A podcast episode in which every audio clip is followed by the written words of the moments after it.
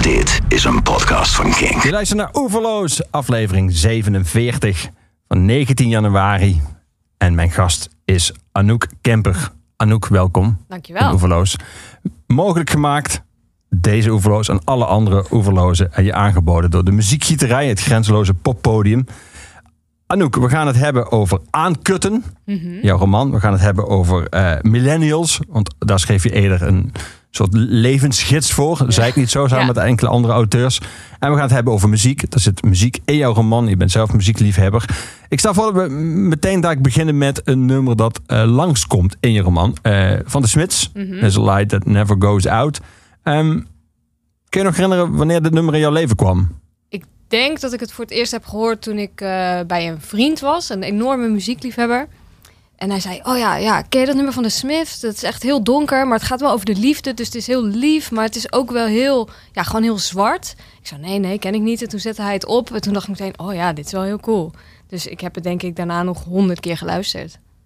Heb je zo live Maar- gezien of niet? Nee, nee ik hou dus niet van live muziek. Ja, niet van live muziek. Nee, ik hou niet van concerten, ik hou niet van live muziek. Nee.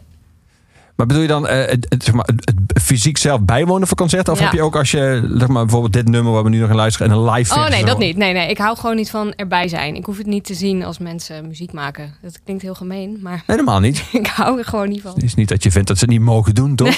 Nee, nee, nee. Maar gaat het je dan om... eh sommige mensen hebben voor een hekel aan, aan mensenmassa's of Ja, zo. dat vind ik vervelend. Ik ben natuurlijk klein. Ik ben 1,58, dus ik zie eigenlijk nooit iets.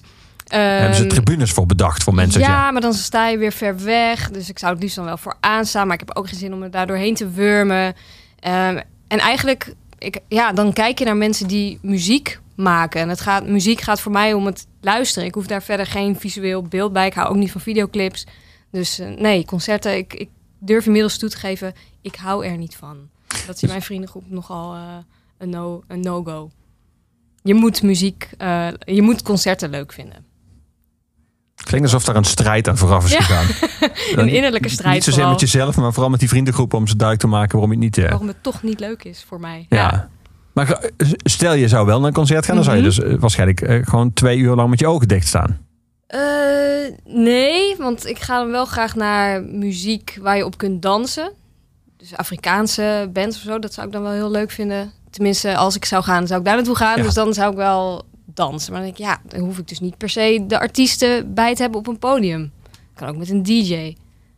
Nou, dus dit is mijn, eh, mijn innerlijke strijd. Ja, nou, die is wel gevoerd inmiddels. En- Mhm. en, en beslecht ook. Ja, Zo te Zeker, horen. ja, ik ben eruit. Waar je totaal niet op kan dansen is de Smits.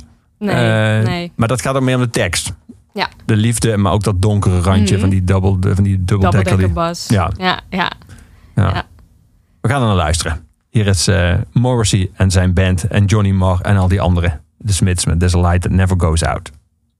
Take me out tonight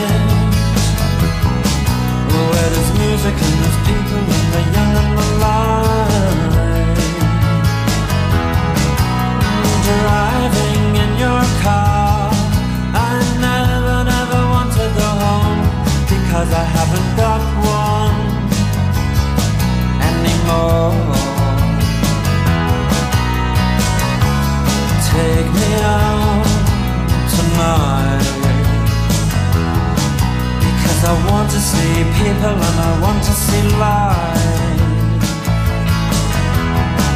Mm, driving in your car. Oh please don't drop me home Because it's not my home, it's their home and I'm welcome no more.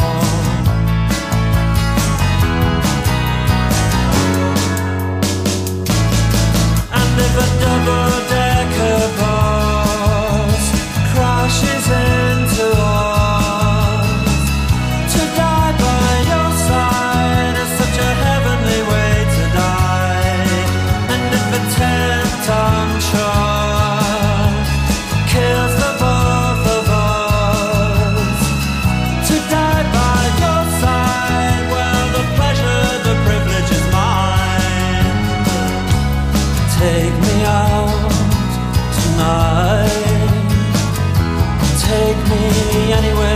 care, don't care, don't care.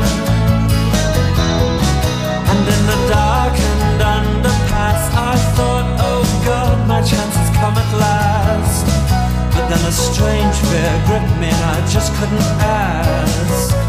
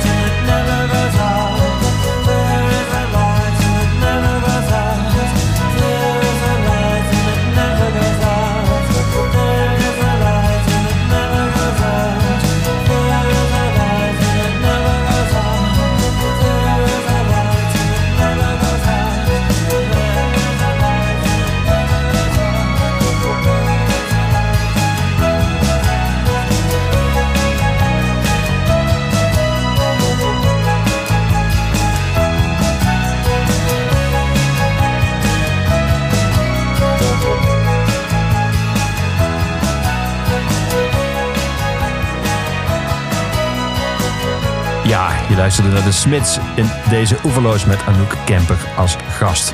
Eh, Anouk, we gaan het hebben over jouw roman, over Aankutten, het boek. Ja. Ehm, de hoofdpersoon, Alex, maar ze heet eigenlijk eh, Alexandra. Eh, Ja. Ze noemt alleen haar moeder haar nog, zoals je dat wel vaker ziet bij mensen. Alleen de moeder nog de, de, de naam zoals die bedoeld was Ja, uitspreekt. Als ze boos is, hè, de moeder. Ja, dan vooral, ja. ja. Die, eh, nou, je zou kunnen zeggen, die worstelt zich door het leven. Ja. Het werkend leven, het relationeel leven, omgang met vrienden, omgang met haar ouders, ambities. Ehm, er staan twee passages, zinnen in het boek die mij cruciaal leken voor eh, Alex en, en haar generatie. Ja? Dat is op de eerste plaats. eh, ineens zijn ze het volwassen. Op de middelbare school hadden ze het er vaak over gehad. Wat zouden ze doen? Wie zouden ze zijn? Hoe ze zouden wonen? In ieder geval in Amsterdam. Daar bestond geen twijfel over. Daar kwamen hun ouders vandaan en dat was het echte leven. Andere steden waren slappe aftreksels. Eh, en dan ga je iets verder en dan blijkt eigenlijk dat eh, die grens schoof op. Volwassen zijn en alle doelen afvinken die daarbij horen duurde iets langer dan ingecalculeerd. Ze waren er nog niet helemaal. Ook niet op hun dertigste. Eerst moesten ze de spelregels beter doorkrijgen. Begrijpen hoe het allemaal werkt. En iets eerder schrijf je, als het over Alex zelf gaat, ehm, dat ze eigenlijk altijd. Ik zal even letterlijk citeren, anders dan ga ik het. Iedere ochtend wordt Alex Kroon wakker met een schuldgevoel. Weer te laat uit bed, weer een hap uit de dag. Ilias is haar vriend, is al lang naar zijn werk. Ze heeft de douche gehoord en daarna zijn gerommel in de keuken. Dat idee van dat het leven niet is wat je zelf vindt dat het zou moeten zijn. Dat je niet voldoet aan de normen die je zelf gesteld had. Ja. En je ambities. Dat het te veel is om uit te kiezen. En dat je eigenlijk daar voor alles maar een soort van de helft kiest. En, en dat heel tijd dat schuldgevoel erover. Dat lijkt als een rode draad door... Nou, niet alleen jouw hoofdpersoon, maar ook de mensen om haar heen te lopen. Althans, haar generatiegenoten dan. Ja, ja. Is dat voor jouzelf, want hoe oud ben jij? 33. Ja, is dat, is dat, eh, is dat voor jou een soort van herkenbaar Ja. uit jouw eigen, maar ook uit- jouw vriendenkring? Zeker, ja. Nou, ik heb heel veel vrienden die freelancen. Dus die vallen dan al niet in dat patroon van... nou, je gaat eh, vijf dagen in de week naar je werk. Je gaat om negen uur weg en om zeven uur ben je weer thuis. Eh, dus als freelancer denk je toch al gauw... ja, oké, nou, het is maandag. Eh, wat ga ik doen? Ik heb eigenlijk niet zo heel veel te doen. Misschien kan ik een mailtje sturen. Oh, misschien kan ik toch een idee pitchen aan een krant. Het is altijd een beetje... ehm, nou, je moet het er zelf naar maken. Je moet zelf je dag starten en je werkweek starten. Dus dat is voor mij en mijn vrienden al wel lastig soms. Maar ik heb ook heel lang gedacht: oké, ik ben freelancer, maar ik moet wel net zo'n werkleven hebben als mensen in loondienst. Dus ik moet wel, als ik naar kantoor ga, dan moet ik daar minstens acht uur zitten. En ik moet wel echt uren achter elkaar geconcentreerd op mijn laptop werken. Eh, want anders is het een verspeelde dag. En eh, het heeft bij mij wel jaren geduurd voordat ik dacht: oh, maar wacht eens, ik heb die vrijheid om het heel anders te doen. Dus waarom zou ik dat dan niet ook doen? Maar dat, ja, dat heeft heel lang geduurd, omdat ik elke keer dacht, ja, maar oké, nou, het is nu al half elf en ik heb nog niks gedaan. Oh, wat erg, oh, wat slecht. En dan ga ik nog maar eventjes iets op YouTube kijken. En dan was er zo weer een uur voorbij en dan Ja. voelde ik me nog schuldiger. Dat is Ehm, grappig, want ik neem aan dat een van de redenen dat je voor freelancer koos, is, is juist die vrijheid. Dat is Ja. een soort van aantrek, aant- aantrekkelijke ervan. ja. De vrijheid om je leven in te delen zoals je het zelf wil. En vervolgens blijkt je zelf, jezelf die vrijheid niet te gunnen, omdat er een soort bijna, ik zou bijna zeggen, Calvinistisch Ja. eh, schuldgevoel knaagt dat je wel hoort allerlei dingen te doen. Ja, dat klopt. Maar het was ook. ehm, ik was 25 toen ik was afgestudeerd. En ehm, toen dacht ik: oké, nou dan ga ik nu het werkende leven in. En het werkende leven betekent nou, al die dingen die ik dan net noemde. Ehm, maar je moet denk ik een tijdje zelf werken en een beetje je eigen eh, steunpilaren bouwen. Voordat je dan merkt: oh, ik kan binnen die steunpilaren of binnen dat kader wat ik voor mezelf heb gecreëerd, kan ik eigenlijk best wel ehm, nou, doen wat ik zelf wil. Je hoeft niet heel strikt te zijn in hoe jouw werkweek eruit ziet. Maar ja, voordat je eenmaal die steunpilaren ook hebt, dus een beetje zo je vaste klusjes, dat je in ieder geval genoeg hebt om de maand door te komen, Ja, dan ben je ook wel weer eh, een jaar, twee jaar verder. En ehm, ja, pas, ik denk rond mijn dertigste dacht ik, ja, waarom, waarom ga ik eigenlijk acht uur per dag werken als ik dat helemaal niet hoef te doen? Een soort openbaring. ja. En wat, wat was er op het antwoord? Waarom ik Waarom deed je dat aanvankelijk? Was dat, mo- moest Ja. dat van iemand of moest het van jezelf? Of? Dat, is, dat is het beeld dat je hebt van mensen die werken. En als je hard werkt, dan doe je dat op een bepaalde manier. En die manier is altijd, eh, nou, vijf dagen in de week, eh, van zo laat tot zo laat. Ehm, altijd productief, altijd efficiënt, altijd eh, nuttig. Ja, en ja, dat is gewoon niet zo. En ik weet nu ook, omdat ik bij verschillende bedrijven dan wel zit als... of als redacteur of als copywriter. En dan merk je ineens, oh, mensen in loondienst doen ook heel lang niks. Koffie halen, krantje lezen, kletsen met collega's. Die hebben ook gewoon een dag vol met, eh, ja, Alleen een beetje doen land te dat- panteren Ja, in alleen de zij doen dat dan op een kantoor. Ja. In, in, in, in een soort van door andere bepaalde tijd. Ja, Om die tijd ook vol te krijgen. ja, klopt. Ja, maar dat had ik me nooit gerealiseerd. Ja. Maar het is grappig hoe dat werkt. Want kennelijk als je dat thuis doet en je ligt bijvoorbeeld in bed, Ja. voelt dat veel schuldig maken dan als Oh, je op kantoor een uur lang Ja. niks doet. Want dan heb je nog een soort van het idee, maar ik ben wel op het kantoor. Mhm, ik ben op kantoor, ik heb me al aangekleed, ik heb gedoucht. ja, ik had ook heel vaak om 12 uur 's middags nog steeds mijn pyjama aan. En dan dacht ik, oh ja, dat is ook niet goed. Dat is ook allemaal niet goed. Ik moet me aankleden. Ja, wat maakt het uit eh, of je in je pyjamabroek zit of in je spijkerbroek. ja. Wat studeerde je? Geschiedenis. Ja, en daarvoor heb ik journalistiek gestudeerd in Utrecht. Maar toen was ik eh 21 toen ik klaar was. En ik dacht, ja, ik heb eigenlijk nog geen zin om eh, fulltime te gaan werken. Dus toen ben ik nog een studie erachteraan gaan doen. Dat kon toen nog gelukkig voor, eh, nou ja, niet eh 10.000 euro in het jaar, zeg maar. Ja. Dus eh, ja, toen eh, was ik 25 toen ik echt klaar was met studeren. Ik, ik, ik zei al, in, eh, in aankutten in jouw roman eh, is, is die Alex, die je hoofdpersoon, eh, en ook haar vrienden zijn ook wel nadrukkelijk een representant van een generatie. Ja. Je schreef hiervoor, met een aantal andere mensen zei ik niet zo. Dat was Mhm. een soort verhaal, zeg maar, een soort echte leven van een millennial. En wat, wat- wat- een soort van Ja, korte aanreiken. columns. Ja. Ja. het aanreiken ook van een soort van echte ervaringen, maar ook misschien ook echte tips. Ehm, is, is het voor jou belangrijk dat jouw werk, in ieder geval jouw werk tot nu toe, dat dat soort van nadrukkelijk gelinkt is aan een soort generatie? Mm, nee, eigenlijk niet. Ehm Zeik niet zo is ook ontstaan ehm, uit ergernis. Want er stond ooit een artikel in het Parool... waarin dan drie millennials klaagden over... eh, ja, ik heb theaterwetenschappen gestudeerd... maar nu werk ik nog steeds in de horeca... en eh, ja, ik verdien gewoon niet zoveel. En een andere jongen die was aan het klagen... dat hij zijn huis binnenkort uit moest. En wat moest hij dan? Zo, ja... Een andere kamer gaan zoeken, lijkt mij. Dus toen heb ik een brief geschreven, ingezonden brief naar het parool... waarin ik zeg, ja, kom op zeg, en een beetje doorzetten. En eh zei ik niet zo, dat stond er niet letterlijk in... maar dat was wel de, de Was de, teneur. de, de crux, ja. En ehm, toen is dat boek daar een beetje uit voortgekomen... omdat ik met twee oud-collega's van Linda graag iets wilde maken... wat dan wel over onze generatie eh, ging. Maar we wisten nog niet zo goed in welke vorm dat dan, eh, dan moest.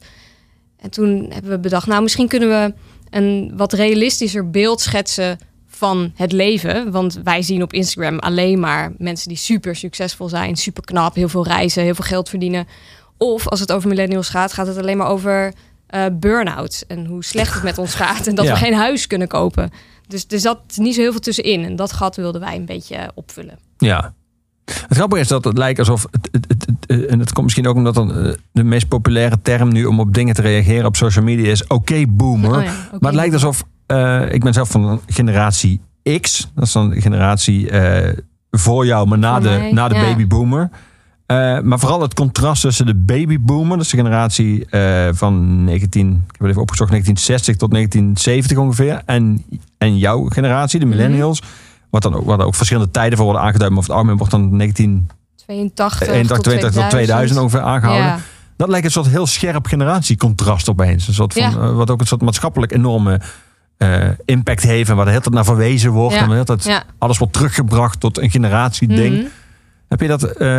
een onderwerp waar jij mee bezig bent geweest afgelopen jaar. Heb je dat zien aankomen of zo? Dat dat, of, of heb je dat groter zien Mm. worden?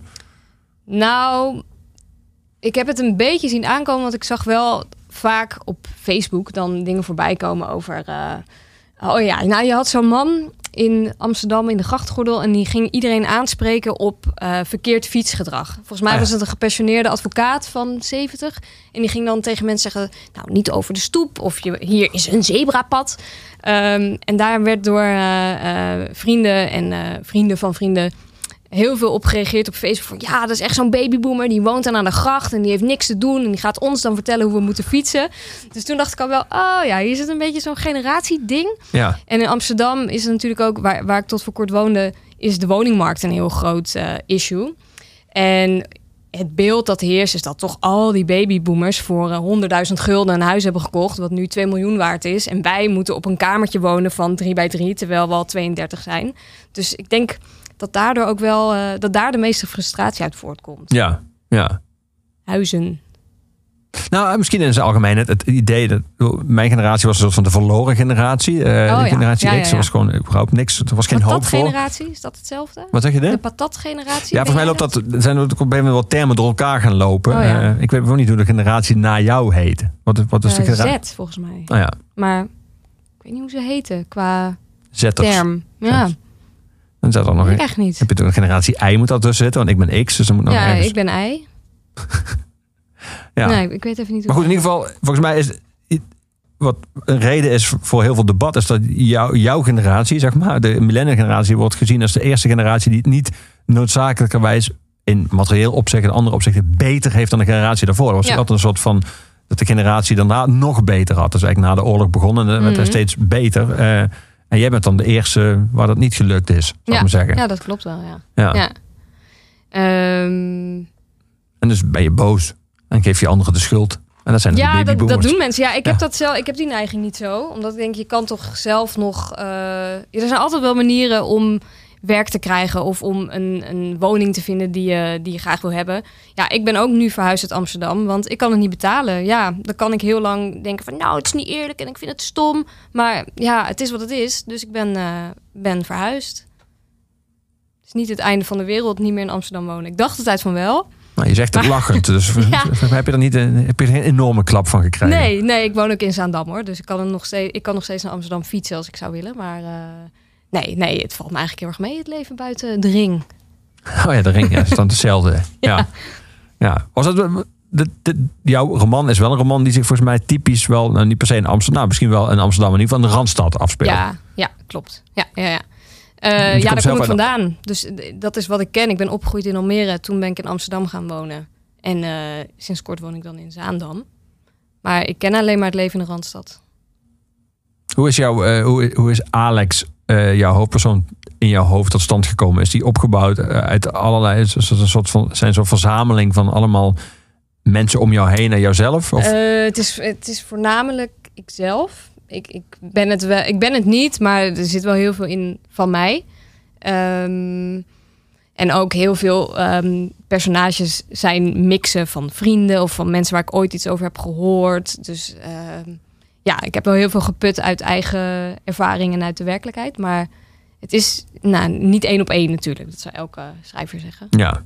Hebben zich al boze mensen gemeld die of vinden dat eh, Alex of iemand anders te veel op ze lijkt, ofwel dat ze er juist niet in voorkomen?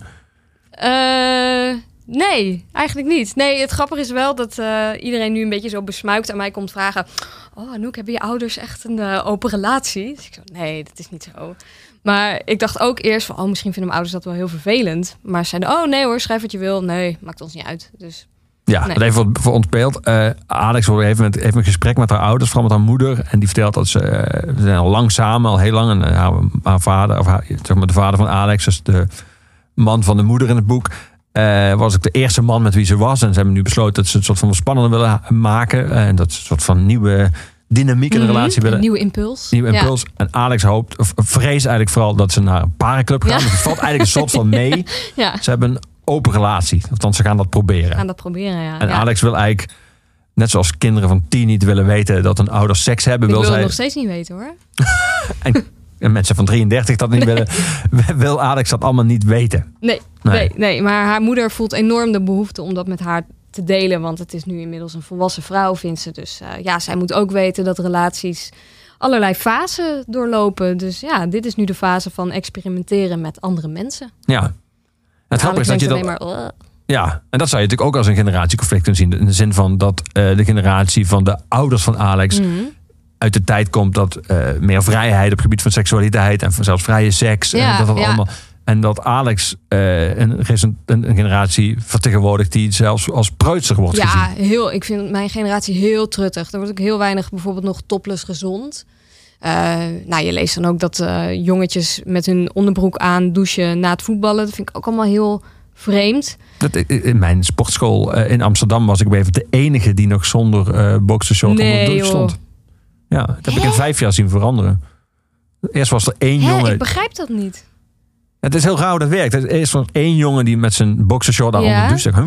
Dat kan, Ja. Misschien heeft hij iets of zo. Het schaamt zich ergens voor. Nou, En een jaar later waren het er twee. En toen op een gegeven moment stond- op het eind, ik ben inmiddels niet meer in Amsterdam woonachtig, maar de laatste half jaar, als ik ging douchen eh, na een kickbox, eh, natuurlijk een mul- zeer multiculturele sport, eh, was ik de enige die, die geen, die nog iets, die, die naakt doucht, Nou. zoals je zeg maar. Dat vind ik zo vreemd. Nou ja, dat soort dingen dus. En eh, dat zie je in saunas toch ook? Er zijn steeds meer baddagen. ja, bad- dat is waar. Ja. ja, één keer in de maand heb je dan vaak zo'n eh, zwemkledingdag. Nou, dat zijn, sommige saunas zijn dat één keer per week inmiddels. Oh ja? dat, Oh, nou daar zou ik dan niet heen gaan. Ehm, maar je ziet het ook dat best wel veel mensen weer gaan trouwen. Dat was in de tijd van mijn ouders ook heel truttig. En ja, dat, dat deed je eigenlijk niet. Mijn ouders zijn alleen maar getrouwd omdat het handig was. maar ik, eh, ik ken zat, zat mensen die nu enorm groot trouwen. Enorme feesten. Er moet dan ook een vrijgezellenfeest bij. En het is allemaal groot, groter, grootst. En dan denk ik altijd aan mijn ouders. Want die zeiden dat al toen ik nog op de basisschool zat. En dat helemaal niet begreep en kon plaatsen. Die zeiden altijd... Hoe groter het huwelijk, of nee, hoe groter de bruiloft, hoe korter het huwelijk. dus, nou ja, we zullen zien. ja. Maar hoe, hoe, hoe duid jij dat? Die, die, eh, die Ehm, ontwikkeling? Die soort vertrutting zoals jij ja, noemt? ik denk dat het een beetje te maken heeft met de Amerikaanse cultuur die heel erg overwaait naar hier. Amerika is toch wat preutser dan wij in heel veel opzichten. Ehm, ja, ik denk dat het daar misschien een beetje vandaan komt. Maar dat kan ik niet hard maken. Nee. Maar mijn zus die is wel eens eh, berispt toen ze in Californië aan het zonnen was, topless. Want dat was toch echt niet de bedoeling. En ze liep ook rond, dat was dan ook in Californië, in een eh, spijkerbroekje. En daar kwam ook iemand vertellen dat dat echt een te kort spijkerbroekje was. In Californië. Je zou denken, ja, dat is toch allemaal eh, wel vrij. Maar dat valt dus heel erg tegen. Ja.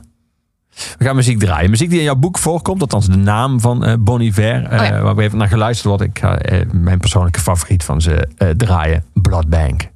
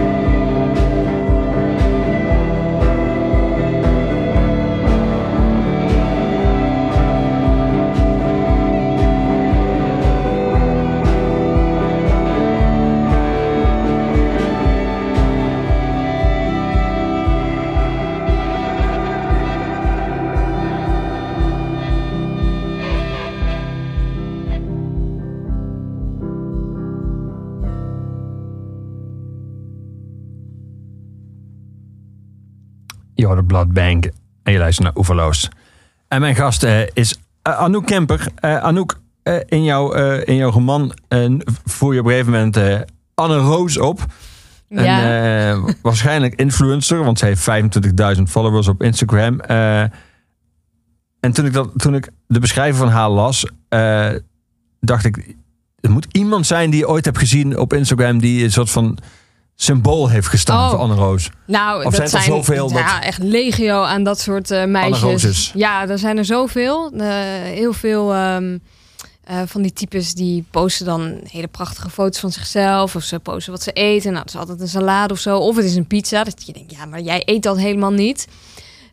Dus nee, de Anne Roos is niet één persoon. Het is een heel Instagram staat- barst uit zijn voegen. Ze staat symbool voor een Ja, nieuw voor soort een, mens. Ja, voor een eh, nieuw soort mens. Ja, ja. ja, niet mijn soort mens. Nee. Maar kennelijk wel een soort mens dat je... Dat, dat is misschien hetzelfde zoals je sommige mensen... eh, toch naar een ongeluk kijken terwijl ze hadden voor Nou. niet te doen. Wat jou Ja. fascineert. Of waar je, ja, het je- fascineert mij enorm. Ja, ik, eh, ik kijk ook graag naar bepaalde vloggers. Dus Monica Geuze, daar kijk ik af en toe wel eens een vlogje van. Of Anna Nushin. En wie heb je nog meer? Ja, Oh je voert ook een vlogger op in, in je roman. Ook zo'n type. Ja, Ja. ja. er zijn best wel veel mensen die, die vloggen. Maar ook mensen die ik... eh, nou, ik denk, hè, maar je bent toch best wel intelligent... en je hebt het toch helemaal niet nodig, tussen aanhalingstekens. Maar ja, dat is natuurlijk een enorm businessmodel. Dus er wordt, eh, er wordt wat afgevlogd. Ja, en niet alleen door eh, jongetjes van 15, zoals Enzo Knol, of die is misschien alweer 20, ik weet niet. Maar eh, Die praat alleen alsof die 15 is, maar die is volgens mij al 25. ja, ik kan het niet aanzien. Ik eh, kijk er niet naar. Maar ja, dat is ook iets waar ik pas sinds een paar jaar achter ben dat YouTube dus een ding is. Ik ben echt een beetje een bejaarde wat dat betreft. Want eh, ik weet wel dat dat vlog een beetje opkwam. En dan las ik in de krant over Enzo Knol en YouTube. En ik dacht, ik snap het niet. Op YouTube, wat is er dan op YouTube? Voor mijn gevoel waren dat alleen nog maar blooperfilmpjes of zo. Maar nee, het zijn hele kanalen die om een persoon heen hangen. En waar ontzettend veel geld wordt verdiend. En je hebt de meest gekke dingen. Kinderen die cadeautjes uitpakken. Kinderen die slime maken. eh, volwassen vrouwen die zich opmaken. Nou ja, en daar kijken dan heel veel mensen naar. Oh ja, en jongens die gamen. Ja. Dat kan je dan ook zien. Ik vind, ja, ja. Voel je dan oud? Of ja, voel je ik voel vooral me wel slim? oud. Wat zei je? Of voel je vooral slim? Ik voel me vooral oud. Ja, want ja, ook omdat voor mijn generatie is, eh, is het, of nou even in de algemeenheid dan, maar is, het, is privacy toch nog meer iets waar we ons bewust van zijn, of wat we in ieder geval proberen te waarborgen online. Dus je hebt dan toen Facebook een beetje opkwam, dan kon je nog zo bepalen wie wat kon zien. Dus, oh ja, nou, deze mensen mogen dan mijn profielfoto zien. En deze mensen mogen ook wel zien wat ik like. Eh, maar voor mensen die nu tiener zijn, is het allemaal open. Die, die zetten gewoon alles op Instagram of op Snapchat. En TikTok heb je nu. Wow, nu klink ik echt bejaard. Je hebt nu iets van TikTok. Dus die zijn daar volgens mij helemaal niet meer mee bezig met... eh, oh, je kan ook dingen voor jezelf houden. Of er is zoiets als privacy online. Nee. En ehm, ja, ik vind, dat, ik vind dat echt verbijsterend om te zien. Ook, je hebt ook familievloggers. Ken je dat? Nee? Nou, het zijn dus gezinnen waarvan eh, de moeder, het is vaak de moeder, dan filmt wat het gezin zo al doet. En je hebt een hele bekende familie, ik weet even niet hoe ze heten, maar die hebben, ik dacht, twee kinderen. En die filmen dan, de moeder en vader filmen dan wat ze doen. Dus, oh, nu gaan we naar de dierentuin of nu gaan we even naar opa en oma. En dat, dat zijn eigenlijk gewoon videofilmpjes, familiefilmpjes, online. En iedereen kan dat zien. Ik vind dat echt absurd. Wat ik ook heel raar vind, oké, je hebt nu een onderwerp aangeboord. Ik merk het heel goed. Ja, ja van, die, van die vloggers of Instagrammers, die, eh, die zijn dan mijn leeftijd en die hebben kinderen. En die kinderen zijn ook volop in beeld, de hele tijd. Die kinderen worden overal bij betrokken.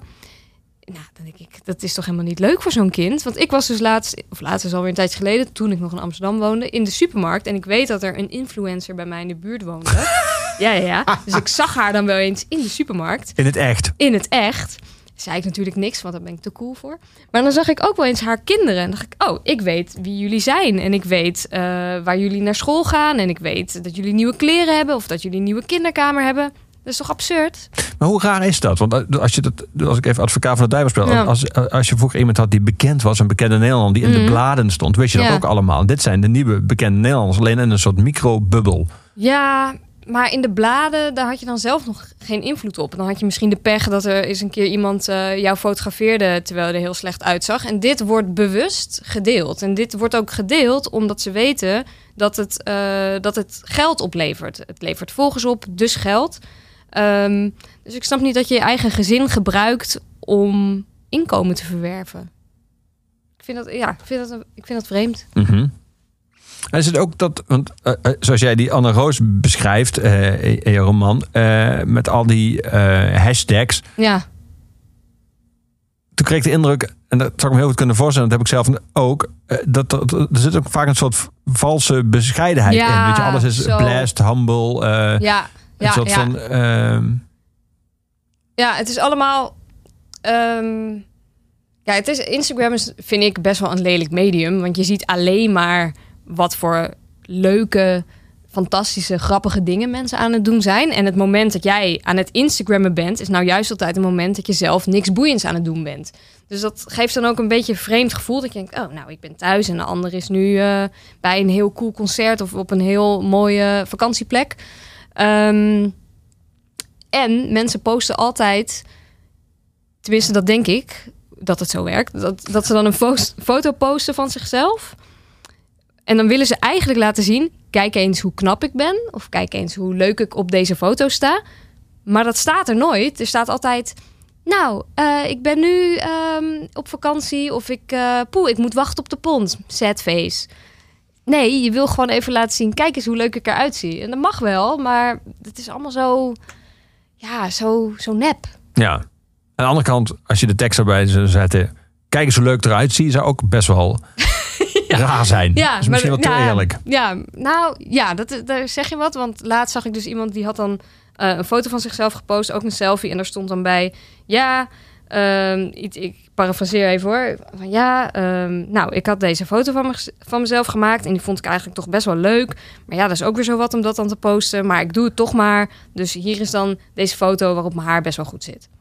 Zo, ja, dan denk ik, ja, dat is nou ook weer, dat is ook weer een soort van gespeelde bescheidenheid. Ja. Is eigenlijk nooit goed, hè? Nee, het is eigenlijk nooit goed. We gaan, we gaan muziek draaien. We gaan eh, geen muziek draaien die in, in je roman zit. Maar ik heb je ook gevraagd of je eh, zo nadenken over een paar nummers die op de een of andere manier voor jou in jouw leven veel betekend hebben. Toen kom je met eh, onder meer Donald Fagan aan van Oh ja. zijn legendarische album The Night Fly uit 1982 alweer. Oh joh. Ja, ehm, is een hele korte plaat eigenlijk. Duurt nog geen 40 minuten. Er zijn maar Ja. acht nummers, maar wel een, een, ja, een klassieker inmiddels. Ehm welke associaties, welke herinneringen heb jij bij dit openingsnummer van dat album? Ja, eh, ik moet dan altijd denken aan autovakanties met mijn familie. Mijn vader die, eh, die heeft deze cd en die zette die dan altijd aan als we op vakantie gingen naar eh, Spanje bijvoorbeeld. Dus ik heb het echt heel vaak gehoord. Wat, hoe- wat was het beleid? Was het beleid wie rijdt bepaalt de muziek? Of was het beleid überhaupt je vader bepaalt de muziek? Of? Ja, volgens mij was het wel zo dat mijn vader de muziek bepaalde. Maar wij mochten ook wel dingen inbrengen. Dus dat was dan vaak eh, top 40 muziek. Ehm, maar dan na een tijdje was het weer, nou, dan gaat dat weer uit. En dan, dan deed hij weer een plaat. En een daarvan was dus eh The Nightfly van Donald Fagan. Dus altijd als ik dit nummer hoor, dan, dan, ja, dan zit ik weer even in die auto met mijn drie zussen. Ik heb drie zussen. Dat was ook vrij eh, intens. Ehm, Had u een stationwagon of zaten u gewoon krap op elkaar? Nee, we hadden een, een eh, Mitsubishi Space Wagon. Oh ja, En daarvoor een Nissan, maar ik weet niet meer hoe die heette. Dus we zaten zo 2, 2, 2. oh ja Spacewagon heeft drie, zeg maar, twee banken achter de bestuurder nog. Ja, klopt. Ja, en ik zat altijd achter de bestuurder. En mijn jongste zussen zaten helemaal achterin. Ja, en die moeten dan, als jullie stopten bij een parkeerplaats, is dat de moeilijke plek om uit te komen, toch? Ja. ja, dan moest iedereen eruit. En dan eh, hup, de banken naar voren. En dan werd er geplast. En mijn vader vond het altijd zeer irritant dat wij altijd heel vaak moesten plassen. Was helemaal niet zo, maar mijn vader vond dat wij heel veel moesten plassen. Ehm, dus hij kon nooit zo snel naar Spanje rijden als hij zou willen. Maar goed, eh, we hebben het wel eh, overleefd steeds met z'n zessen. Ehm, maar ja, die, die Nightfly, die plaat, die hoort daar voor mij gewoon heel erg bij. Zo- sowieso eh, bij, ik weet niet, eh, bij, bij mijn vroegste jeugd. Dus zeg maar basisschoolleeftijd, dan denk ik altijd wel aan deze muziek. En ik weet niet eens of die plaat nou heel vaak opstond. Want mijn vader is ook wel eh, vooral een jazzfan. Dus veel Miles Davis, veel Chet Baker, Ja. Frank Zappa ook. Maar dat is, niet, dat is niet heel erg blijven hangen. En deze plaat wel, om de een of andere reden. Ik denk toch vanwege eh, ja, het autorijden. Dus we konden niks anders dan zitten en naar die muziek luisteren. Ja. Je vader was dus de enige man in dat hele... Ja, ja, ja. Tegenwoordig klopt. slechts 20% van het gezin. Ja. ja, maar hij vond het altijd heel stom als mensen dan zeiden wat erg voor je of wat zielig voor je. Zeg nou, dat vind ik zo stom, alsof het, alsof het minder is om dochters te hebben dan om zonen te hebben. Vind ik heel stom. Dus, eh, nou, bedankt, pap. Ja, dat zou, ik, ik kan me er allerlei dingen bij voorstellen hoe dat voor hem geweest is. Maar wat erg is dan niet meteen het eerste waar ik aan denk. Mhm. Nee, maar dat, dat was wel vaak wat mensen dan een beetje zo grappend tegen mij zeiden als ik vertelde dat ik drie zussen heb. En oh, heeft je vader geen zonen? Oh, wat erg. En ik dacht, ja, ja, dus dat vertelde ik dan wel eens thuis. En zijn vader, nou, nou, een stomme opmerking. Vond je het goed eigenlijk toen al, Donald Fagan? Ehm, ik denk eigenlijk dat ik het goed vond omdat mijn vader het goed vond. Ik heb heel lang in zijn muzieksmaak gezeten. En eh, ook dingen stom gevonden die hij stom vond. Wat vond hij stom bijvoorbeeld? Ja, eh, heel veel. Marco Borsato, toen ik op de middelbare school zat, was De meeste dromen zijn met Rog een hit. Echt een, ja, echt een monsterhit. En ik vond het stiekem heel erg leuk. Maar nee, dat, dat, dat eh, zou ik nooit hardop gezegd hebben. Want mijn vader vond dat stomme, slechte muziek. Was hij het oneens met de tekst? Of vond hij het Nee, gewoon... met alles gewoon Marco Borsato. Stom, slecht, gaat nergens over. En zo zijn er echt eh, honderden dingen die mijn vader heel stom en slecht vindt in de muziek. Ja. Hij je- schrijft ook altijd mensen af als ze bepaalde muzikanten niet kennen. Dan oh, die kent Miles Davis niet, dus hup. niet meer serieus nemen. En terecht. We gaan, we gaan naar Oh, Donald Fagen. We gaan naar Donald Fagen luisteren.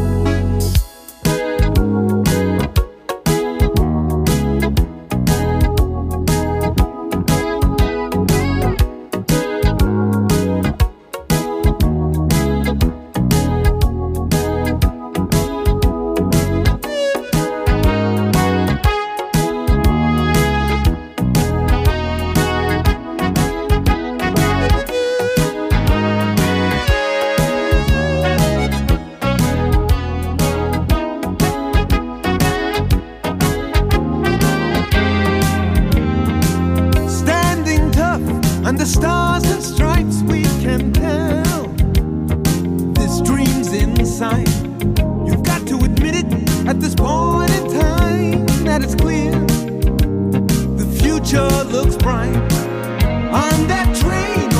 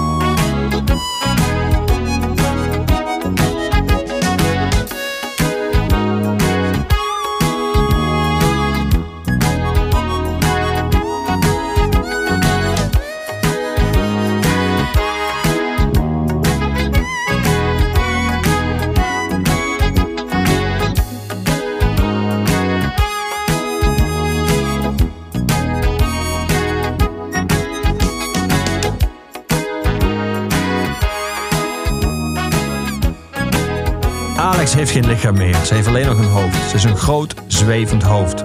Paul heeft wel nog een lichaam, heel lang en boven haar uitreizend. Zijn hoofd is in de wolken, meters van de grond. Hij ziet haar niet. Hij weet niet dat ze er nog is, daar beneden, dicht bij het gras. Ze zou in hem moeten klimmen om hem te bereiken. Voorzichtig raakt ze zijn arm aan. Ze heeft nog twee handen. Correctie, ze is een hoofd met twee handen. Ik citeer uit een vrij uitvoerige drugstrip in, Ja? jouw, eh, in jouw boek aan Kutten. Ehm, een drugstrip die zo gedetailleerd is beschreven wat hij fysiek met je doet, maar ook wat hij doet met je eh, geest. Dat ik dacht, je hebt vast speciaal voor dit boek research gedaan in drugservaringen. Nou, niet speciaal voor het boek hoor. Gewoon voor de lol. Ja, ik heb, eh, nou, ik denk niet alles gebruikt, maar ik heb wel veel geprobeerd. Ja, Wat beviel en wat beviel niet?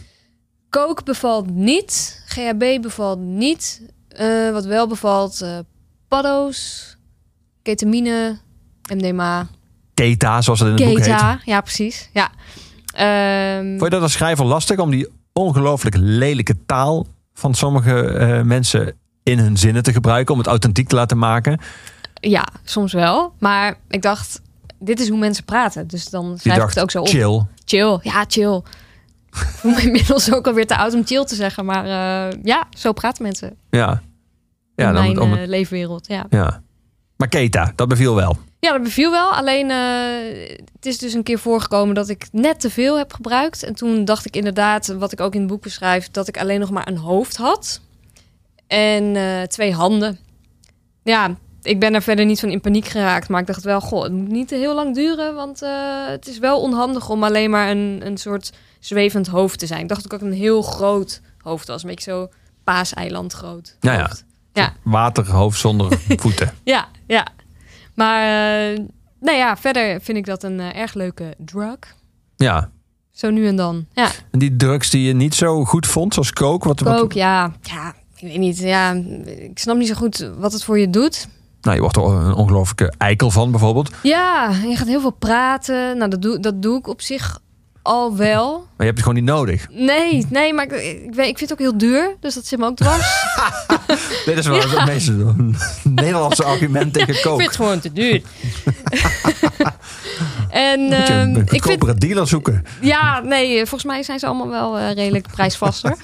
Maar Misschien is dat anders nu je in Zandam woont. Misschien was het in nee, maar we Amsterdam moeten daar eens gaan kijken, ja. ja. Nee, dus kook vind ik gewoon een beetje eh, ja, vervelend. En als Want mensen het gebruiken... prijs-kwaliteitverhouding is gewoon niet zo gunstig. Nee, nee, vind ik niet eh kostenbaten, nee. Nee. En die andere die niet beviel? Eh GHB vond ik ook niet echt... Nee, dan word je, word je een beetje... eh, Ja, dan ben je echt bedwelmd in de slechte zin van het woord. Dus dat vind ik niet zo... Ja, niet zo'n behoefte aan eigenlijk. Nee. Je noemt overigens geen enkele softdruk. Nee, omdat ik niet kan roken. Hmm. Ik heb wel wiet gerookt en hash gerookt, maar ik, eh, ik kan het eigenlijk niet goed. Ik ga gewoon hoesten en dat, ja, dat duurt dan 10 minuten. Dus daar is niks aan. Nee. Nou, ik heb wel een keer succesvol gebloot. En toen heel hard gelachen. Dus misschien moet ik het nog een kans geven. Was het een lachtrip of was Ja. het gewoon... Oké. Ja, nou, het was heel, heel hard lachen om de aardappelen in de schuur van mijn ouders. Dat vond ik hilarisch dat dat daar zo lag. Nou maar ja. je ouders erbij of niet? Nee, die waren er niet. Oké. Nee, nee. Ze hebben dat niet hoeven meemaken de Nee. aardappelen werden uitgelachen. Nee, maar mijn ouders zijn over het algemeen wel eh, relaxed. Want ik mocht dan ook wel de, de paddo's in de koelkast leggen. Toen woonde ik dus nog thuis. Ja, vonden ze... Nou, ze vonden het niet van, nou, wat Ze waren geweldig. niet bang dat, eh, weet ik veel, bij de pasta al funghi, dat er een fout zou worden gemaakt of zo. Nee, nee, dat staat er wel duidelijk op. Oké. Ehm, nee, dus daar waren ze altijd wel relaxed over. En ik denk dat ze het fijner vonden dat ik er niet over loog... dan, ehm, ja, dan dat ik het eh, Stiekem deed. stiekem deed. Ja. Ja, ja, Bleek toen, sommige mensen blijkt dan eigenlijk tot hun eigen verbazing dat een deel van de aantrekkingskracht nou juist was dat je ouders het niet wisten.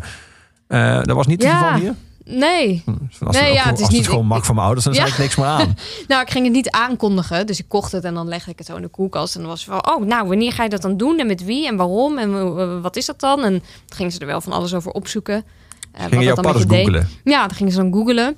Maar ehm, ja, nee, ik vond het verder niet, eh niet sfeerverlagend of zo. Dat mijn ouders dat dan wisten. Nee. Nee. Ik vond het wel leuk dat ze het niet heel tof vonden. Dat hielp inderdaad wel. Mm. Ik zo, ik ga het toch lekker doen. Nu is de generatie van je ouders hadden de neiging eh, om eh, drugs als een geestverruimende ervaring eh, te beschrijven. Eh, er zijn ook al hele boeken over geschreven, Mhm. vooral in, in, in de jaren 60 en 70 over Ja. wat dat.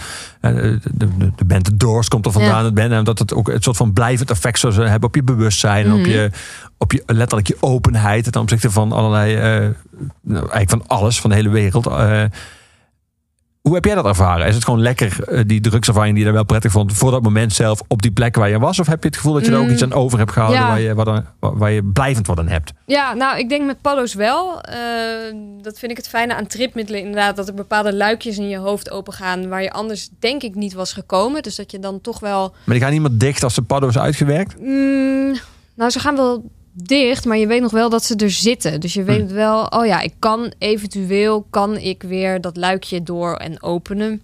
En ehm, ik heb een heel belangrijk besef gehad toen ik eh, voor het eerst... of toen ik paddo's gebruikte, ik weet niet of het de eerste keer was... namelijk eh, dat het leven nergens over gaat en dat dat heel grappig is. Ja, dat is nu een beetje mijn, eh, mijn basismotto. Ja, Maar dat, dat besef verandert niet als je trip is uitgewerkt. Dat je dan bijvoorbeeld denkt, nou het leven gaat er nergens over. Maar zo grappig is dat dan ook wel niet. Nou ja, nee, het leven is natuurlijk niet altijd grappig. Maar de humor is ook nooit ver weg. Dus dat is wel iets wat is blijven hangen bij mij. Ja. Ja. En nu? Wat is nu inmiddels, eh, nu het boek geschreven is en je dus al je research hebt afgerond. Wat is nu nog jouw drugsgebruik? Ja, nou, ik, eh, ik kan nog geen drugs gebruiken. Want ik heb een eh, kind gekregen en ik geef nog borstvoeding. Dus dan eh, even niks. nee. nee. Maar ik denk dat ik eh, het liefst wel weer een keertje ketamine gebruiken. Dan met een beetje MDMA erbij. Misschien zoiets. Maar ja, ik ga het niet inplannen of zo. Het, eh, het komt vast wel weer een keer. Ja. Ik denk wel enig verlangen in door, vind Ja, ik. ja, wel een beetje, ja. ja. Het is echt lang geleden hoor. We gaan muziek draaien die drugsgerelateerd is voor jou. Eh, moderate. Ja. Ehm, wat, is je, wat is je verhaal hierbij? Bij New Eh, Error, zo heet ja. het nummer. Ehm, ik was op Meld Festival in Duitsland. En eh, nou, toen kwam ik ook achter dat ik meerdaagse festivals niet leuk vind. Het lijkt nu net of ik heel veel dingen niet leuk vind. Is niet zo hoor. Maar meerdaagse Gewoon live festival... muziek. Ja, ja, live, waar dan ook. Nee, maar dat slapen in een tent. En ik vond het allemaal een beetje eh, te lang duren. Ik wil graag na een dag festival naar huis. Hey, wel, neem ik aan ook slapen. Want Ja, je zegt al slapen, in een douchen. tent. Maar... Ja, ja. Maar eh, daar heb ik een New Error voor het eerst gehoord, live. En dat was eigenlijk wel heel erg tof. Ehm, al zal dat ook te maken hebben met het feit dat ik toen voor het eerst ecstasy heb gebruikt. was je allereerste keer. Allereerste keer, ja, ik had het nog nooit gedaan. Ik was dus heel erg van de paddo's. Ehm, en nooit van de ecstasy. Ik ging ook niet zoveel naar feestjes waar dat dan was. Dus ik, nee, kwam er niet zo mee in aanraking. En daar voor het eerst wel. Toen zei vriend, trouwens, ik ga denk ik nu een kwartje nemen. En ik dacht, een kwartje, wat?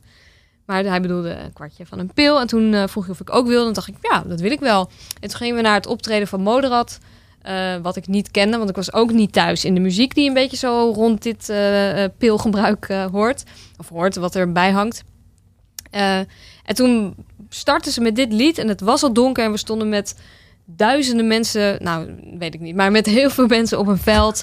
En er gingen hele grote lichten aan en het voelde bijna als een soort religieuze ervaring dat we met z'n allen zo die muziek aan het luisteren waren en het was gewoon overweldigend. En daar eh, denk ik altijd aan als ik dit nummer hoor. Ja. En komt dat door Moddergat of komt dat door eh, het kwartje? Mm, combinatie. Combinatie. Want dit is ook wel een nummer dat ik ehm, nog steeds ontzettend eh, tof vind. Ik moet het niet te vaak luisteren, want op een gegeven moment. ehm, nou, dat heb ik met alle nummers hoor. Maar dan, dan weet je het wel een beetje. Maar zo eens in zoveel tijd, dan komt hij weer terug. En denk ik, oh ja, dit nummer, dat is echt een heel tof nummer. En dat, eh, ja, dat, dat is wel heel erg gelinkt aan het moment daar op dat platgestampte modderveldje ergens voorbij Berlijn. Ja, ja. Maar als je dit volledig nuchter had gehoord, had je dat nummer echt anders ervaren. dat denk Aan ik dat wel. moment. Dat denk ik wel. Ja, ja. Want er waren ook Nu kwam het heel intens binnen. het waren twee lampjes en er stonden 60 mensen eigenlijk in werkelijkheid. Nee, zo was het niet. Oké, we gaan er naar luisteren. A New Error.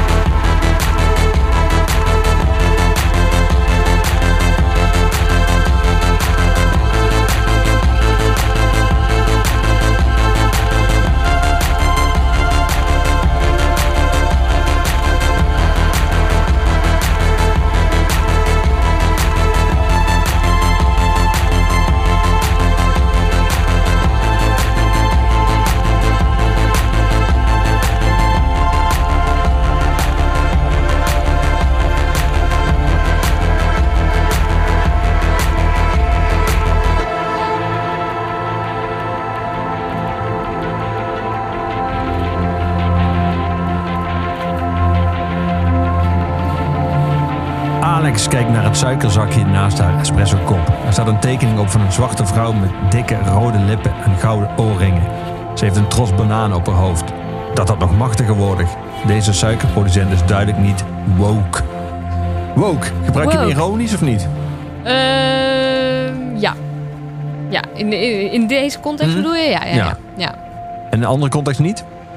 Ehm, ja, ik vind het een beetje moeilijk om het woord woke niet ironisch te gebruiken. Omdat ik het gewoon een beetje een vreemd woord vind. Ja. Maar ik zou ook niet zo goed weten wat dan de Nederlandse vertaling is. Van woke. Dus ja, dan maar, dan maar woke. Ja. Nou ja, je zou ook zeggen dat je bewust, bent van de ja. vooroordelen van. Maar de, de term woke is zo activistisch gemunt dat hij. En het is ook een term die mensen voor zichzelf gebruiken. En om anderen niet om anderen te disqualificeren. Zoals Ja. in, dit, in, in de- in deze passage eigenlijk ook gebeurt. Als je iets doet wat niet meer kan, dan ben je niet woke. Mhm. Ja.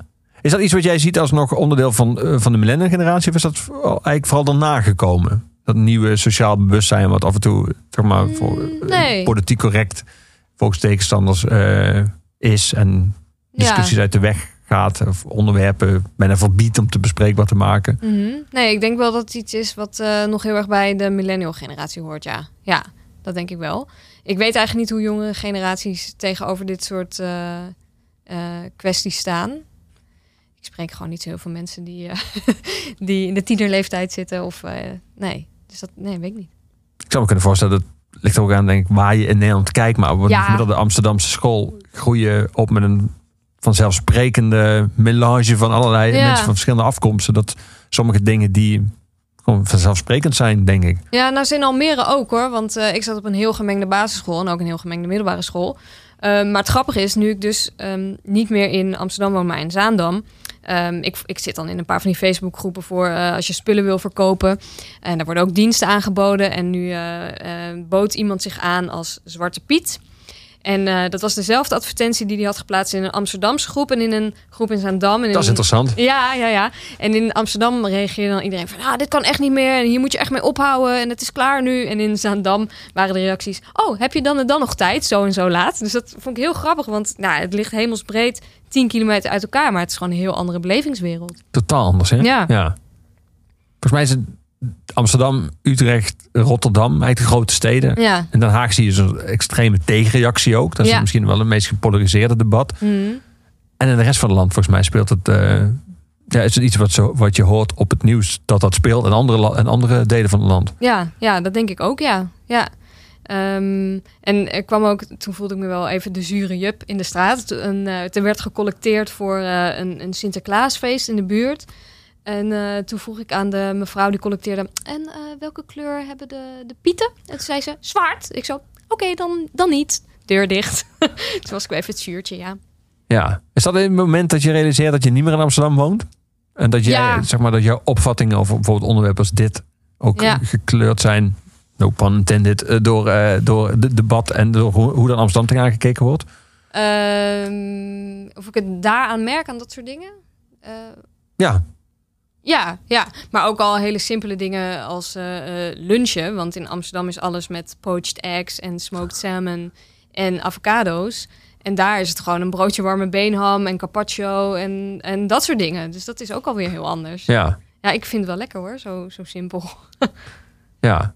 En heb je dat gevoel dat bij zo'n Zwarte Pieten debat bijvoorbeeld, dat, dat Amsterdam bijvoorbeeld, eh, dat Amsterdam voorloopt? Dus dat zeg maar, de ontwikkeling in Amsterdam eentje is die over 15 jaar en Zandam ook heeft doorgezet. Eh, alleen dan misschien nu nog niet voorstelbaar door die, de mevrouw die bij jou aan de deur stond. Maar Ja, nou, of ja, zal dat altijd een kloof blijven? ik weet het niet zo goed. Al is het natuurlijk wel veelzeggend dat de NTR dit, dit jaar voor het eerst roetveegpieten had. Ja, Dus dan maar de kritiek is natuurlijk, NTR is ook allemaal links en grachtengordel. Ja, ja. Maar ik denk toch dat dat zich wel gaat uit, uitspreiden. Ja, dat denk ik wel. Ja, dat er toch wel steeds meer mensen zijn die zeggen... Hm, het is misschien eigenlijk toch wel gek. Ja. Ja. Was het lastig voor jou om, bedoel, je wil, je wil een verhaal schrijven over, over Alex en over haar eh, vrienden en een verhouding met haar ouders met haar vriend vooral natuurlijk. Mhm. En eh, gaan we het daar nog over hebben, daten. Eh, Ja, oh. Tegelijk lijkt me ook al lastig, eh, zou ik me kunnen voorstellen, om eh, je kan niet honderd maatschappelijke onderwerpen in een roman verwerken en het nog steeds gewoon een lekker lezende roman te la- laten zijn. Was dat ingewikkeld voor jou? Mm, nou, ik heb wel goed na moeten denken over waar ik meer aandacht aan wil geven en wat ik een beetje zijdelings voorbij laat komen. Dus dat hele woke zijn, dat komt dan zijdelings voorbij. En ik dacht, het hoeft er ook niet heel dik bovenop te liggen ehm, de hele tijd. Dus ehm, er zitten allerlei, er zitten mensen met allerlei verschillende culturele achtergronden ook in het boek. Ja. En dat wordt niet benoemd, maar ja, dat is wel zo. Dus ik denk voor de oplettende lezer dat dat wel, eh, ja, dat hij dat wel meekrijgt. Ehm, en verder wi- wist ik wel, oké, het moet vooral gaan over worstelen met het leven en een beetje worstelen met volwassen worden. En ehm, dat je het besef hebt dat je het toch wel heel erg alleen moet doen allemaal in het leven. Dat was de, hoofd, de, de hoofdlijn. Ja. Het grappige is dat zij natuurlijk, net als haar vrienden, al lang volwassen is. Eh, Ja. Feitelijk gezien zelfs al eh, meer dan twaalf jaar. Ja. Eh, maar dat het soort van, een soort van enorme vertraging dat besef was Ja, doorzet. Ja, nou, ik heb het daar best wel vaak over met een vriend van mij. Niet geheel ontvallig de vriend die in het boek Paul heet. Want hij is ook heel erg bezig met het thema volwassenheid en wat dat dan is. Mhm.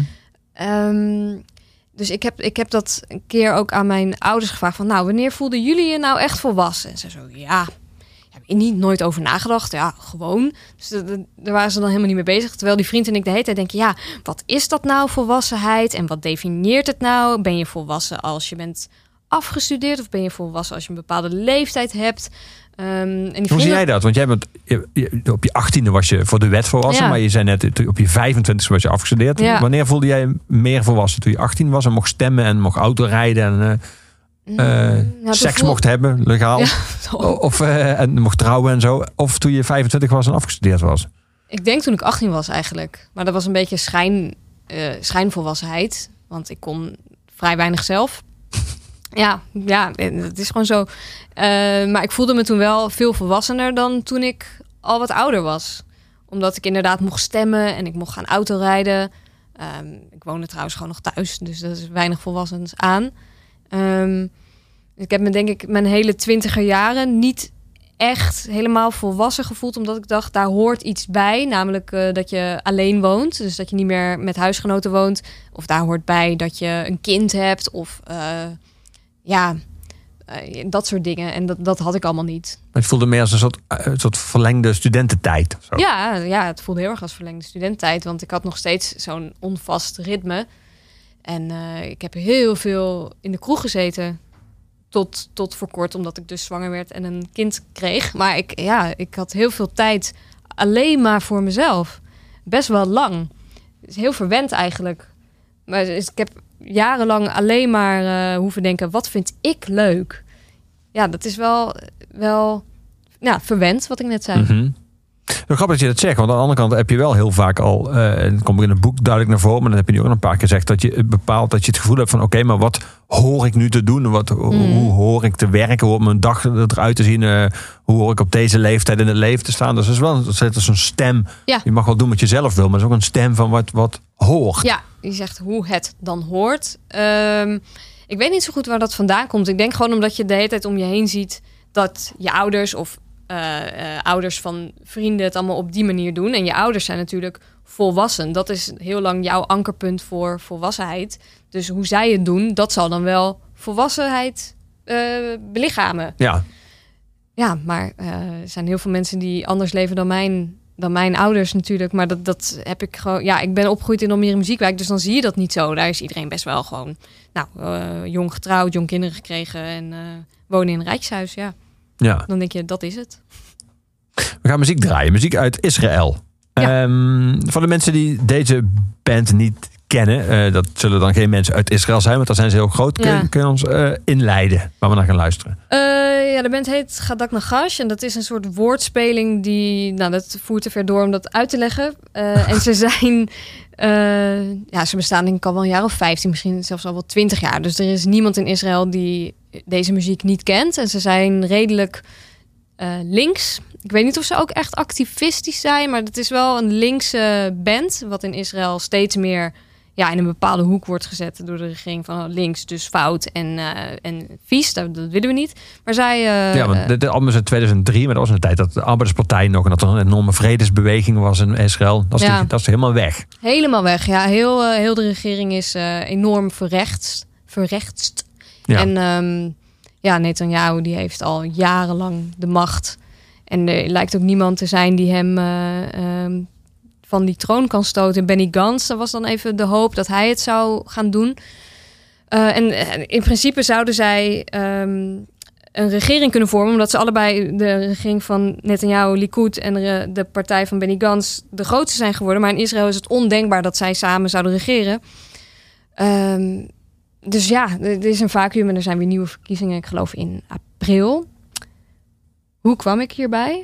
Via de muziek. Oh ja, ja dat Israël nu eh, vrij rechts is. Ja, Ja. ja. Want Maar jij kent Israël goed, want jouw vriend is Israëlisch. ja klopt. Ja. Ja. Ehm, dus ik ben daar regelmatig, zo'n twee keer in het jaar, gaan we daar naartoe.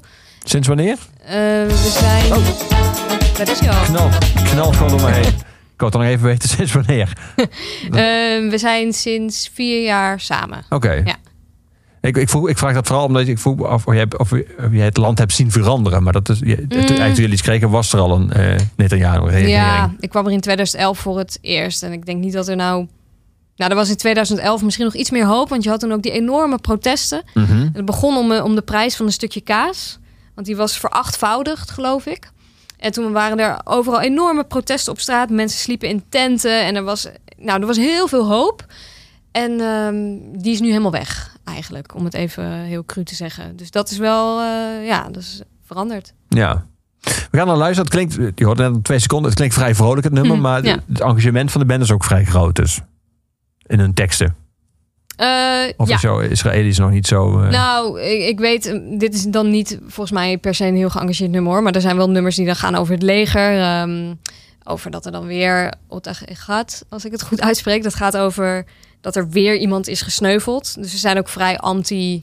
Nou, ik weet niet of ze anti-dienstplicht zijn, maar wel eh, heel erg kritisch op, eh, op het leger. Ja. Ja, want in Israël moet iedereen, iedere jonge volwassene moet, eh, jouw vriend dus ook, moet Ja. dat ook een Ja. ja. volgens mij best wel lang. Nee, drie jaar. Drie jaar. Ja, mannen drie jaar, vrouwen twee jaar. Ja, iedereen moet. Ehm, en er zijn heel veel mensen die helemaal niet willen, maar die doen het dan toch maar. Want je valt ook wel weer heel erg buiten de boot als je het niet doet. Dus je moet heel sterk in je schoenen staan als je zegt: Ik doe dat niet. Eh, want het staat ook voor altijd op je cv en er wordt altijd naar gevraagd als je later eh, eh, gaat solliciteren van oh wat heb je in het leger gedaan en als je zegt ja niks dan kan het zijn dat heel veel deuren voor jou gesloten blijven dus Maar je mag Ja. in principe weigeren. je mag weigeren. Het is wel een heel gedoe. Want de broer van mijn vriend heeft ook geweigerd. Die dacht na drie maanden, wat doe ik hier?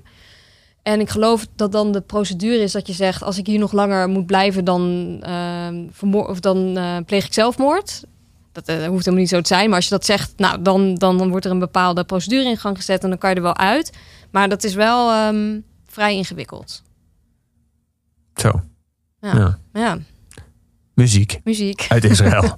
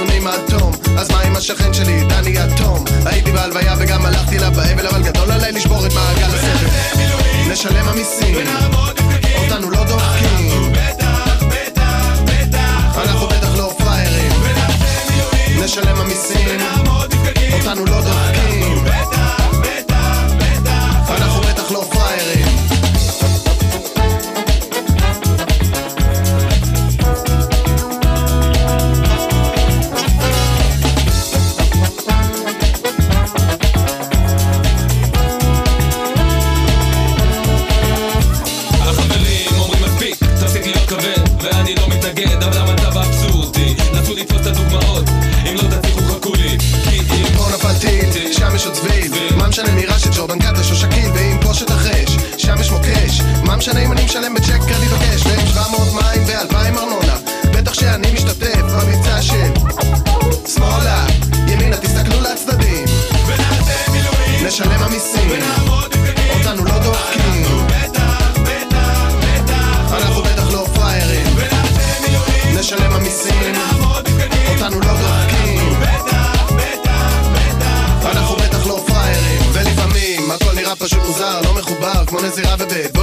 זונה במנזר. הכל הולך מדחי אל בכי דמעה נותרת מהעין מתגלצת על הלחי ואתה? אני בוכה על הכל, בוכה על כך שיכול היה להיות פה גדול. יכלה להיות הרמוניה. בן, בן, כנסת ושבת במסגד, קניון כנסייה, הכל היה יכול להיות אחד. במקום זה יש הרגשה של. חיים בתחושה שכזה. כאילו. בלי להסתכל למציאות בפרצוף. בלי להתקדם רק לנסות לצוף, להתנתק. לעשות הכל רק לא להידפק לעשות הכל רק לא להידפק משלם המיסים. אותנו לא דופקים. אנחנו בטח לא פראיירים. נשלם המיסים. אותנו לא דופקים.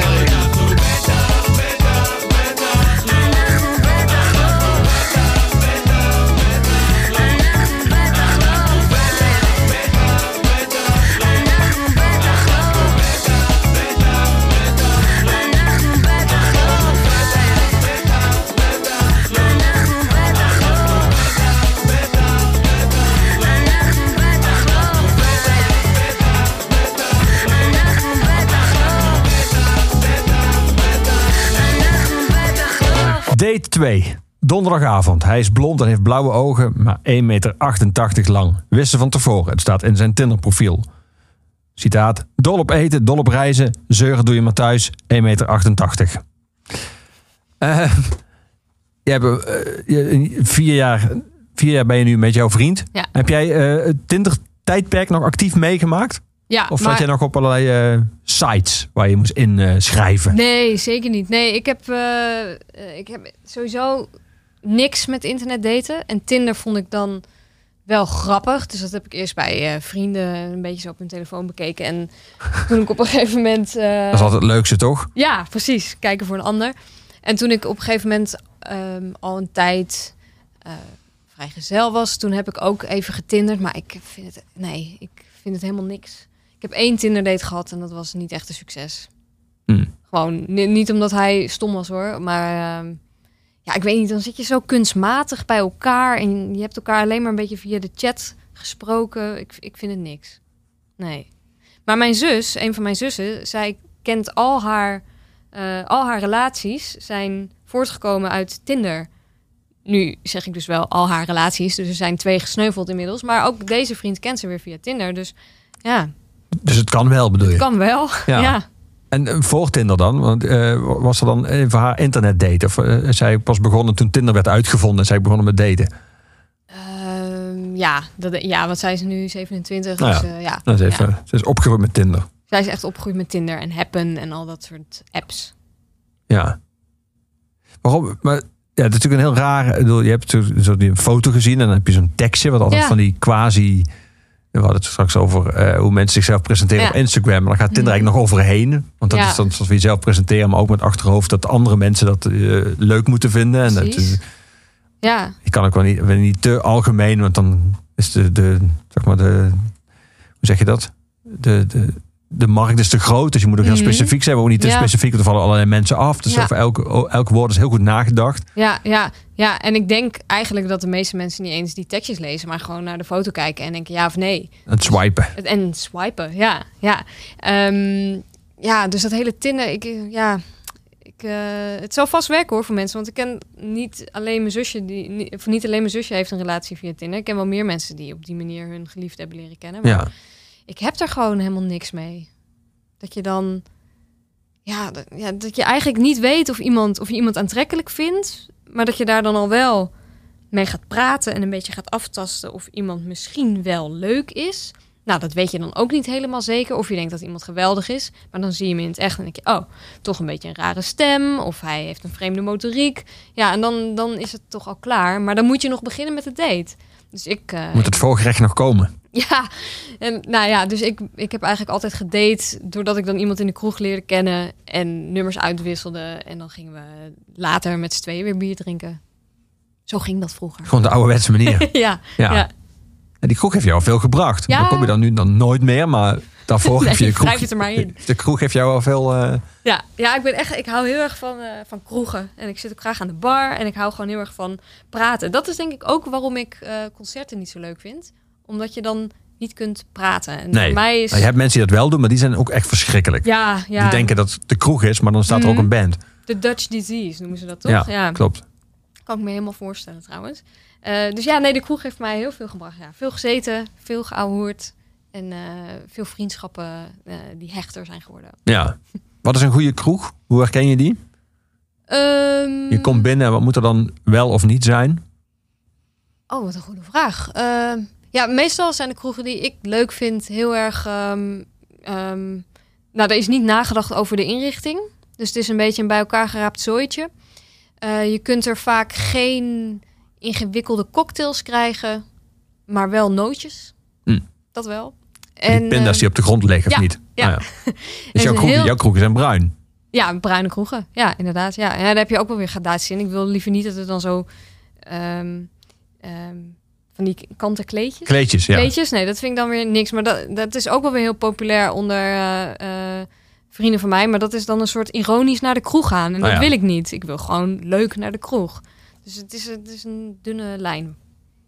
Het is altijd ingewikkeld als iets soort van camp wordt. Dat mensen het dan leuk vinden ja. met een soort alibi van het is lekker fout met twee aanhalingstekens. En dan, Ja, ja vind ik heel eh, storend. ja, jij wil oprechte liefde voor de kroeg. Ja, nou en toevallig had ik het er laatst over met eh, eh, collega's, want ik werk dan eh, als freelancer bij een radioprogramma. En ehm, nu zijn we bezig met het plannen van een uitje. En een van de opties is dat we curling, curling gaan doen. Ik kan het niet eens goed uitspreken. En dan denk ik, ja, nee, dat is alleen maar leuk, denken jullie, omdat het een soort van ironisch dingetje is om dan te gaan curlen. Maar het daadwerkelijk doen is denk ik helemaal niet zo leuk. Maar goed, daar zijn mensen het niet allemaal mee eens. Dus eh, misschien gaan we dit toch doen. En dan ga je wel mee. Ja, daar ga ik wel mee. Jawel. Ja. Ja. Dat denk ik dan ook wel weer. Ja. We gaan muziek draaien. We gaan een lang nummer luisteren. Water No Get Enemy. Fela Kuti. Ehm, Mhm. Hoe komt die in jouw leven? Ik denk. Nou ja, mijn vader had ook wel plaat van hem hoor. Maar mijn vader heeft zoveel dat er ook heel veel. Ja, dat ik helemaal niet weet dat ik dat al gehoord heb toen ik nog eh, thuis woonde. En dus ging niet mee in de auto naar Spanje. Dat wel niet. Nee, ik geloof het niet. Nee. Nee, maar ehm, het is nu opnieuw in mijn leven gekomen omdat mijn vriend er graag naar luistert. En ehm, ja, dus het staat bij ons vrij vaak op. En ik vind het echt fantastisch. Echt heel goed. Ik heb ook laatst een documentaire gekeken over Kuti, want ik, ik wist vrij weinig van hem. En eh, ja, wat een leven. Toch eh, tegen de regering in, maar ook acht vrouwen ondertussen woonden in een heel groot huis, waar dan al die vrouwen ook wonen en al die kinderen. Wacht even, die vrouw had die tegelijk. Ja, tegelijk. Oké. Ja, ja, ja, en die wonen ook met z'n allen in een heel groot huis. Ik zat nog bij Tinder dates, maar dit is wel de next nee, level. Joh, next level. Ehm, en eh, op een gegeven moment moest dat huis volgens mij ook beveiligd worden, omdat de, dus de regering niet blij met hem was. Nou, ik ben vrij veel details vergeten hoor, maar ik vind het gewoon een fascinerende man met hele goede muziek. Ja, we gaan luisteren naar Water No Get Enemy.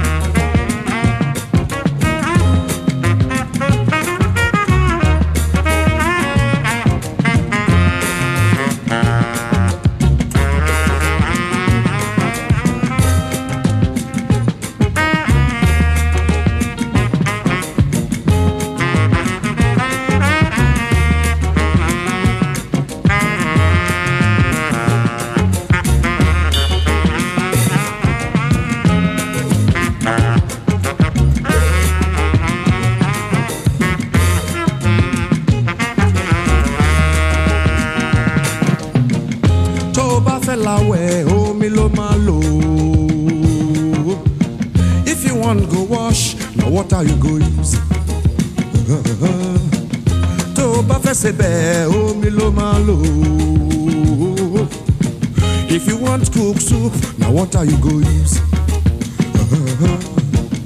Torí bá ń gbóná omi lẹ̀rọ o. If your head dey hot, na water go cool am. Tọmọ bá ń mi ló máa lò. If your child dey grow, na water him go use. If water kill your child, now water you go use.